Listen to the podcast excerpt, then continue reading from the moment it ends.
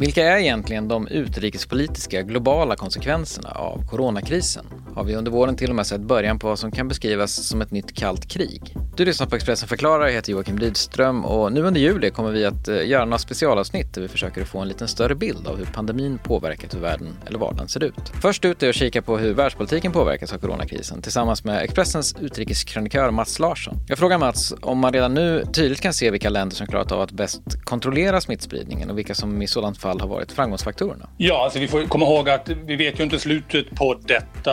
Det är väl första akten vi ser och eh, det är möjligt att det bara blir en enaktare men det är också mycket troligt att vi får en andra akt här framåt hösten. Men, men med detta sagt så kan man säga, ja det finns ju några som har klarat det bra och en gemensam nämnare är länder som, som snabbt reagerade och som införde hårda restriktioner.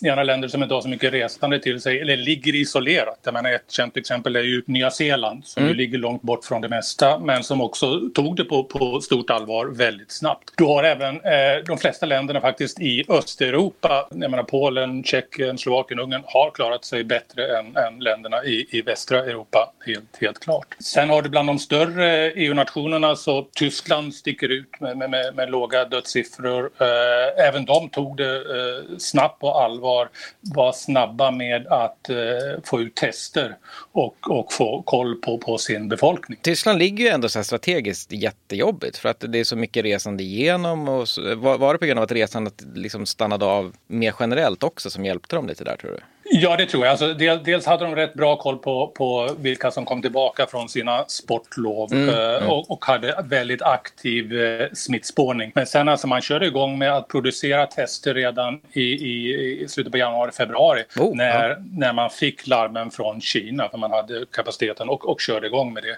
Vilket också ledde till att man snabbt kunde, kunde testa, testa många. En annan region som sticker ut är ju Ostasien eh, med länder som, som Japan, Sydkorea och även förstås eh, Kina Kina. Och det kan väl möjligen delvis också vad gäller Japan och Sydkorea förklaras av, av kulturella skäl. Men detta är länder där, där man inte har så mycket närkontakt. Jag menar det är inget kindpussande i Japan eller, eller Sydkorea. Och jag menar även kärleksbar, man har inte ens varandra i hand när man, när man är eh, utomhus och går på stan. Eh, det är också kulturer som är väldigt vana att använda munskydd och ansiktsmasker. Så att eh, det förklarar möjligen varför, varför Japan ligger så pass lågt. Och sen, sen har vi förstås Kina, även om viss reservation där med siffrorna. Det är ju där mm. allting började. Men jag menar, det, är, det, det kunde också ha gått mycket, mycket, mycket värre i Kina än vad det faktiskt har gått. Ja, många av de där länderna i just eh, Ostasien hade ju sett sars redan. Så de visste ju lite grann vad som hände antar jag också. Att de, de förstod Exakt. mycket snabbare, liksom agerade snabbt. Exakt, det är också. Och Kina, många sjukdomar börjar, men även varianter av fågelinfluensan har ju börjat i Kina och det har de i regel varit snabba på.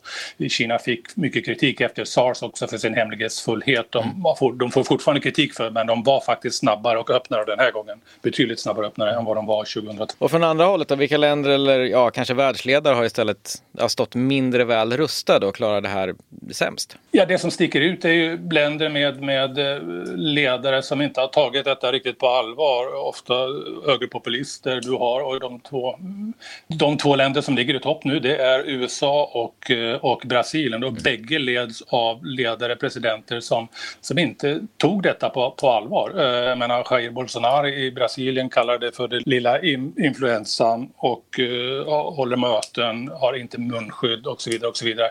Och framförallt förstås eh, Donald Trump i, i USA som från början inte alls tog det på allvar, sedan tog det på allvar men sen vacklar i en rad frågor, promoverar eh, läkemedel som inte är beprövade, ställer frågor om det är bra att använda desinfektionsmedel, och injicera det.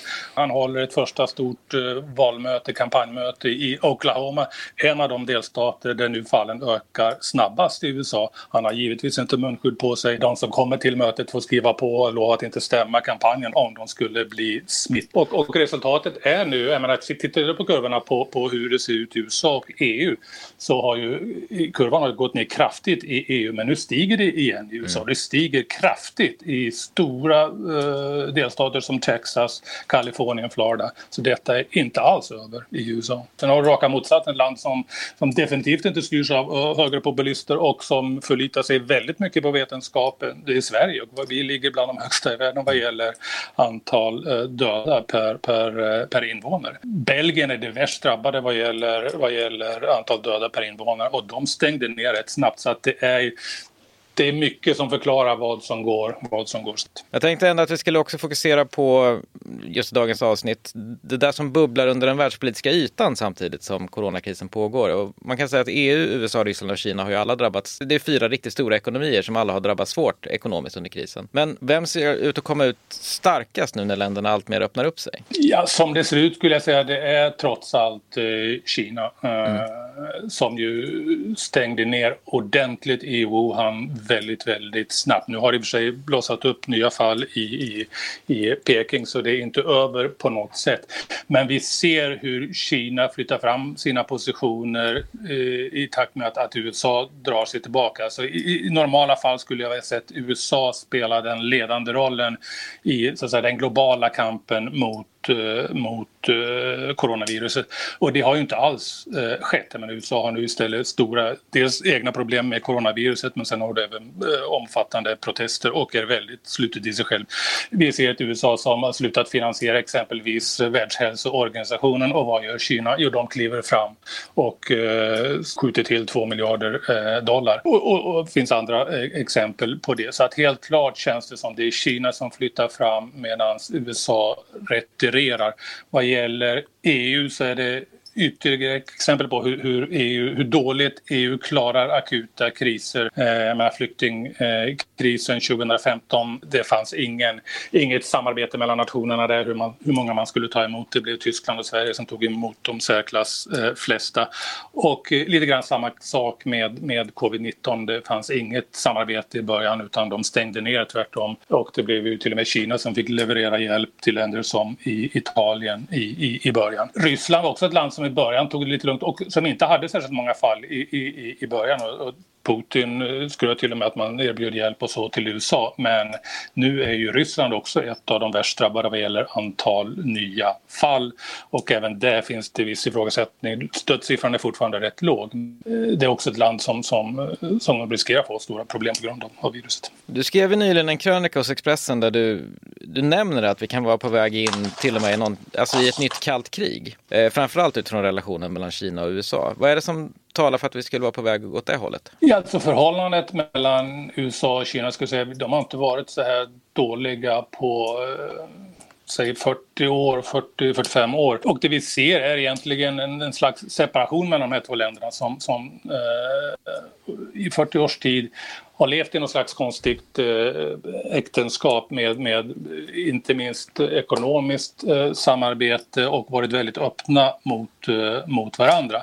Det fanns i, i början en förhoppning i USA, eller man räknade egentligen kallt med att, att om man öppnar, när Kina öppnas upp ekonomiskt så kommer det också leda till en demokratisering. När vi fick internet på 90-talet så, jag menar Bill Clinton talade att det också var, det skulle vara omöjligt för Kina att liksom behålla kontrollen med, med internet. Men det har vi nu tvingats inse att det var exakt vad kineserna trots allt lyckades mm. med. Och under Xi Jinping så har man gått i en allt mer auktoritär riktning och eh, USA har också börjat inse priset man får betala för att göra affärer med Kina, hur, hur Kina stjäl intellektuella rättigheter och sånt från, från amerikanska företag och så vidare och bryter mot, mot reglerna. Och allt detta har lett till, det börjar inte med Trump men det har försämrats helt klart under Donald Trump som också inledde handelskrig mot, mot eh, Kina. Och vi ser nu jag menar allt ifrån hur man eh, Kina utvisar eh, amerikanska journalister, hur USA inför restriktioner på kinesiska journalister och också tonen, dialogen mellan dem. Jag menar, du har Donald Trump som, som skyller coronaviruset på Kina och menar att det, liksom, det är deras fel, punkt slut.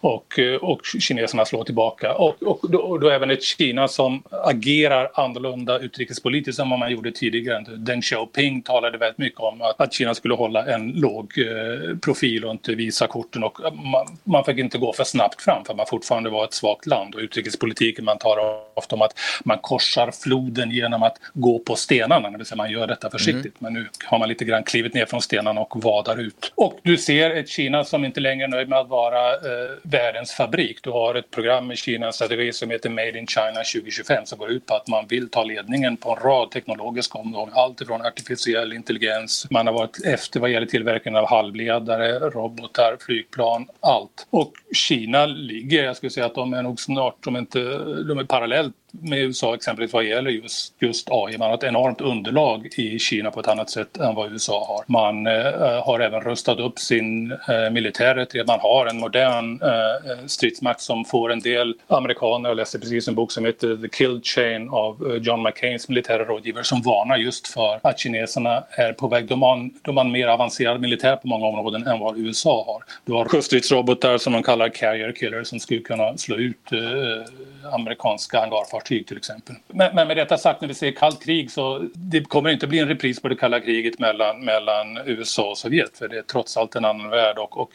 eh, eh, Sovjet var liksom ett annat ekonomiskt ekosystem och var aldrig ekonomiskt ens i närheten av USA. Men nu har USA för första gången någonsin en rival som antagligen kommer igång dem om några år vad gäller ekonomin och eh, som, som kan konkurrera med dem på det tekniska området också. Så att, ja, vi får se var detta slutar. Ja, Trump om man nu ska ta USA-hållet då, han får ju dessutom hård kritik i den här boken som hans nationella säkerhets, eller för detta nationella säkerhetsrådgivare John Bolton har skrivit. Där han på lite olika sätt beskriver Trump som någon som ja, använder ämbetet för egen vinnings skull kan man väl säga.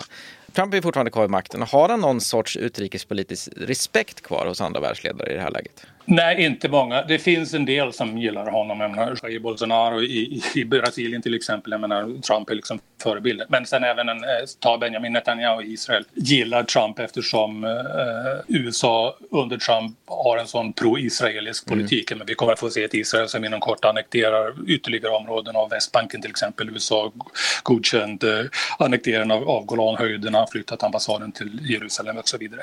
Men Tittar vi på exempelvis de andra ledarna i Europa? Nej, jag menar de, Trump är en mardröm för, för en Angela Merkel eller en Emmanuel Macron. De har träffat honom och de vet, de vet vem han är och de ser ju hur han agerar mot, mot Europa, ser snarast Europa som motståndare och inte som allierade och eh, läser de Boltons bok så ser de att eh, Trump faktiskt på allvar övervägde att lämna NATO om inte Europa, eh, om inte de andra europeiska länderna höjer sina försvarsbudgetar. Och jag menar, det, det, bara tanken hade varit fullständigt fullständigt otänkbar bara för tio år sedan att, att USA skulle lämna NATO. Men sen har du länder som, jag menar, ta Xi Jinping och, och uh, Vladimir Putin. De, de vet vad Trump är för figur. De ser honom som, jag menar, han är oförutsägbar och därmed lite farlig. Men de ser också att, jag menar, eh, det tjänar deras syften att ha Donald Trump vid makten. Så att frågar du kinesiska statsvetare och politiker så de hoppas att, att han vinner valet i, i höst därför att de räknar med att det kommer att leda till ytterligare ytterligare försämring av den västliga alliansen och vem tjänar mest på det? Jo, det gör Kina, det gör Ryssland. Vilket jackar i då den kalla kriget-teorin förstås. Det jag tänker på då eh, blir, alltså jag är uppvuxen i en värld där USA har funnits som det moraliska rättesnöret om man ska säga så. Eh, mm. De har ju spelat den rollen sen framförallt andra världskriget och framåt. Men det jag funderar på, vad händer i en värld där USA inte längre är det där rättesnöret? Ja, vi riskerar ju att gå tillbaka till, säg som det såg ut i världen före kanske inte så mycket andra världskriget, men före första världskriget med ett antal eh, rivaliserande stormakter. Och det är precis som du säger, jag menar de, alla vi som nu lever, vi har vuxit upp i en värld som är lite grann byggd av, av USA. Och en del kan tycka att, kan, tro kanske att det var oundvikligt att vi skulle gå mot fler demokratier och, och ökat välstånd och sånt. Men det är USA som, som bygger upp strukturen eh, eh vid andra världskrigets slut eh, som tar ledningen jag menar, att skapa eh, organisationer som, som FN, även på det ekonomiska området, eh, som Internationella valutafonden, Världsbanken. Och vi har haft 75 exceptionella år, måste vi trots allt mm säga, med, med ekonomisk utveckling. Tittar du på den ekonomiska utvecklingen i världen, den ökade med cirka 1 i snitt under årtiondena fram till andra världskriget. Efter det har det ökat i snitt 3,5-4 procent. Du har miljarder som har lyft ur fattigdom. Vi har inte haft en enda konflikt mellan de större makterna efter andra världskriget. Och jag skulle säga att den viktigaste orsaken till att det, att det är så var att den, den största och mäktigaste nationen i världen var en demokrati och det var USA. Det som nu riskerar hända är att om, USA, och, och den, menar, den, de känslorna fanns, var ju starka i USA för andra världskriget. Jag menar, vi ska komma ihåg USA har ett, fantastiskt geostrategiskt läge. De har inga fiender på nära håll. De gränsar till Kanada i norr och de gränsar till Mexiko i söder och omgivna två enorma oceaner. Det, det går liksom inte att invadera USA. De skulle kunna inrikta sig på sig själv på ett helt annat sätt än vad man har gjort och det är exakt det Trump talar om. Jag menar att, mm. att vi, vi tar hand om oss själva nu i första hand, ni får sköta er själva. Jag menar i värsta fall så, så bryter det internationella system vi har haft samman. Jag menar redan nu så har vi ökade konflikter och FN är ganska frånvarande exempelvis i coronaviruset. Vi får se hur det går med EU, vi har ökade spänningar där mellan, mellan nord och, och syd. Vi ser också nu i coronaviruset, syd vill ha bidrag, norr är inte så pigga på att, att eh, ge dem det och så vidare. Och ett Kina som växer sig allt starkare. Så att jag skulle tro att det, blir en, en farligare värld, det blir en osäkrare värld där faktiskt inte längre det är otänkbart att om, om några år eller decennier så har vi också en konflikt, en militär konflikt mellan stormakterna. Men vad händer nu då resten 2020? Alltså hur ser den globala politiken ut i höst? Ja, dels får vi ju se eh, om det kommer en andra våg i höst som många eh, fruktar. Men framför allt så handlar det ju om eh, det amerikanska presidentvalet. Ja, man säger alltid att det här är det viktigaste på en generation men detta blir verkligen ett oerhört, oerhört viktigt val. Vi har haft fyra år med Donald Trump och vi ser ungefär vem han är och vad han står för.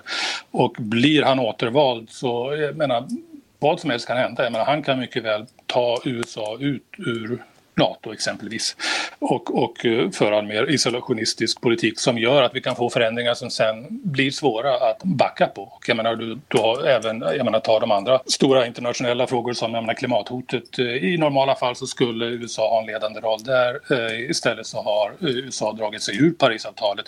De är fortfarande kvar och de kommer att lämna det formellt. Jag tror det är dagen efter presidentvalet. Så får vi Joe Biden som vinner så skulle jag tro att de, han, han stoppar det på en gång. Får vi Joe Biden istället Demokraterna så blir det väl en tillbaka, ja, men han lovar att det kommer tillbaka till hur det var tidigare och, och det tror jag inte riktigt på. Jag menar, det, för mycket har förändrats men ja, vi kommer att få ett USA som återigen kliver fram mer och tar ett större internationellt eh, ansvar som kommer att eh, närma sig Europa på ett helt annat sätt. Och eh, han kommer inte, jag menar, det, det kalla, kalla kriget med Kina, det kommer nog inte att, att eh, upphöra med med eh, Joe Biden som president. Han är också väldigt kritisk mot Kina men han kommer att på ett annat sätt kunna koordinera med eh, väst och de andra och det kommer antagligen att få även Kina att begränsa sig lite mer. Och resten av världen lite grann går i paus i väntan på det så mycket som avgörs av vem som blir USAs president. Det avgör hur, hur Kina kommer att agera, hur, hur Ryssland kommer att agera